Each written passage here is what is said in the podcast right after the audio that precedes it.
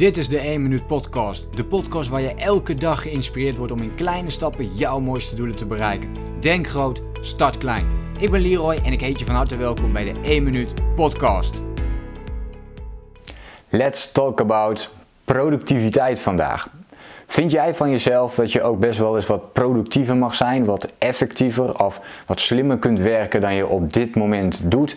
Dan heb ik vandaag de productiviteitsstrategie voor je, uh, die ik ga delen en die mij in ieder geval duizenden uren heeft geschild, omdat ik dit ging toepassen. En het is eigenlijk helemaal niet zo moeilijk om het toe te passen, maar je moet het wel even gaan doen en ook regelmatig daarbij stil blijven staan. En dat zijn vaak toch dingen die lastig zijn om goed uh, vol te houden. Maar laten we eens gaan kijken naar die uh, productiviteitsstrategie die ik zelf toepas. En het allereerste van de drie stappen die ik daarin met je ga delen is nummer 1 en dat is het elimineren van taken.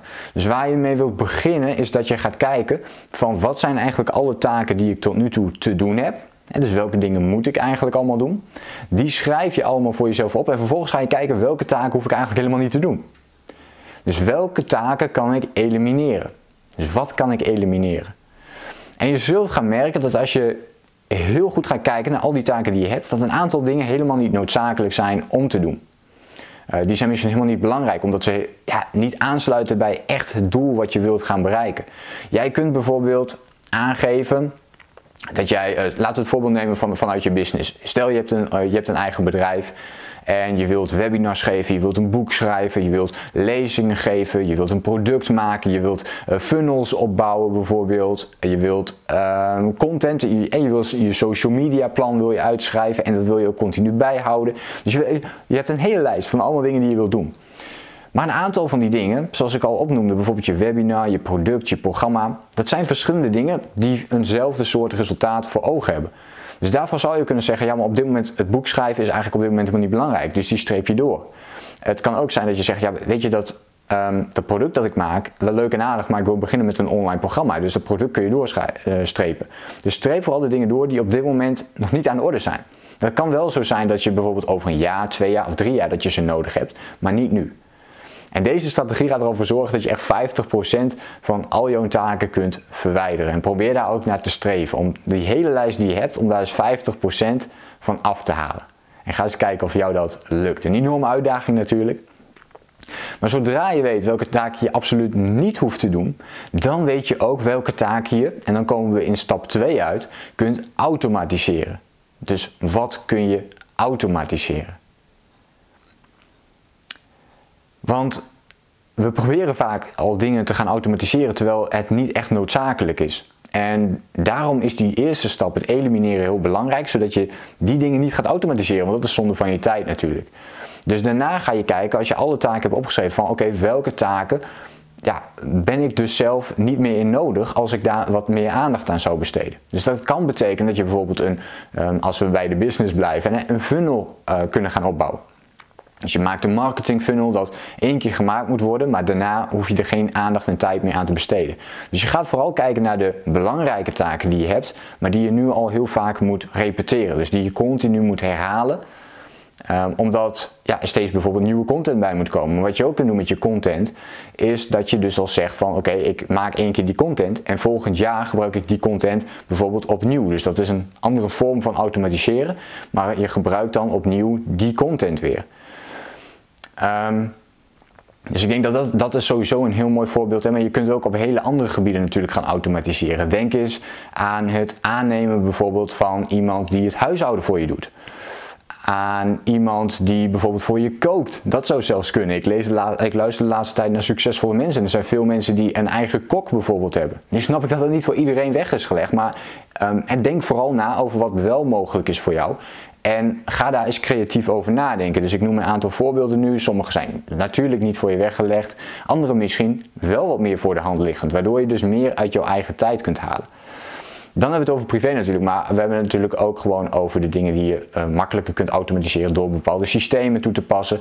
Ook je gewoontes die je toepast, kun je daarin heel mooi uh, aangeven en gebruiken. En daarbij hebben we het natuurlijk vooral over bijvoorbeeld een bepaalde planning maken op een bepaald tijdstip, waarop jij één keer die planning maakt en dan daar de rest van de dag profijt van hebt. Maar automatiseren betekent ook afspraken maken met jezelf en aangeven van goh, uh, dit is het moment van zo laat tot zo laat ga ik mijn mail bekijken en voor de rest doe ik dat niet. Want op één dag kun je heel vaak die herhaling maken dat je 10 of 20 keer op je mail kijkt. Maar je zou ook kunnen zeggen, oké, maar dit is het enige moment waarop ik op mijn mail kijk. Dan hoef ik dat er omheen niet meer te doen. Ook dat is een vorm van automatiseren. Dus pak daarin iets wat jij kunt automatiseren. Denk daar dus over na. Wat kun jij doen om meer van je taken te automatiseren? En de derde stap, de laatste stap, dus als jij um, aan elimineren hebt gedaan, je hebt ook uh, geautomatiseerd je taken, dan hou je nog een klein stukje over wat je kunt delegeren. En dat is stap 3.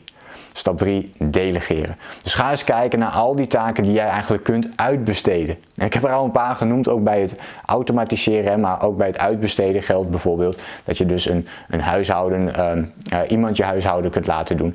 Maar je kunt ook zeggen, oké, mijn content bijvoorbeeld, hè, die ik normaal zelf produceer, ja, ik, weet je, ik kan het niet elimineren, ik kan het ook niet automatiseren, dus uh, kan ik het misschien wel gaan delegeren. Dus je gaat vooral kijken naar de taken die jij minder leuk vindt om te doen en die misschien heel tijdrovend zijn en die jij dus liever wilt uitbesteden aan iemand anders. Dus dat kan inderdaad zijn je social media, dat uh, kan van, ja, dat kan van alles zijn. Um, ik heb een aantal voorbeelden daar al in genoemd. Het kan zelfs iemand zijn die je vakantie uitzoekt, weet je wel. En uh, het kunnen dus allerlei dingen zijn. Waar het om gaat is dat je erover na maar wat kan, ik uh, wat kan ik delegeren? Dus hoe kan ik mijn leven nog meer inrichten? Hoe kan ik mijn tijd nog beter gaan inrichten, zodat ik steeds meer de dingen kan doen die ik echt leuk vind om te doen? En die een ander ook weer leuk vindt om te doen. Want daar delegeer je het aan. Dat is een persoon die dat bijvoorbeeld misschien wel weer leuk vindt om juist dat onderdeel te pakken. En vooral in je business is het natuurlijk heel mooi om bepaalde dingen daarin te gaan uitbesteden. Die jij niet zo goed kunt, minder goed kunt en die iemand anders wel weer goed kan oppakken. Bijvoorbeeld als ik naar mezelf kijk. Ik, weet je, ik ben niet per se um, van echt alle design dingen uitwerken. Hè? Dus als ik een e-book wil hebben, een 3D e-book, dan wil ik me daar eigenlijk niet in verdiepen, maar wil ik eigenlijk dat iemand anders dat voor mij zou kunnen doen. En nu heb ik dus iemand die dat regelmatig voor mij kan doen. Dus die kan ik dan een mail sturen en dan pakt hij dat op. Het scheelt mij heel veel tijd. Ik vind het ook niet per se heel leuk om te doen. Hij, is, uh, hij verdiept zich daar helemaal in. Ik moet daar misschien een uur over doen en hij doet dat bijvoorbeeld in vijf minuten. Dus ook daarmee win je dus heel erg veel tijd. Goed, ik hoop dat je iets hebt aan de tips die ik je heb gegeven uh, in deze video.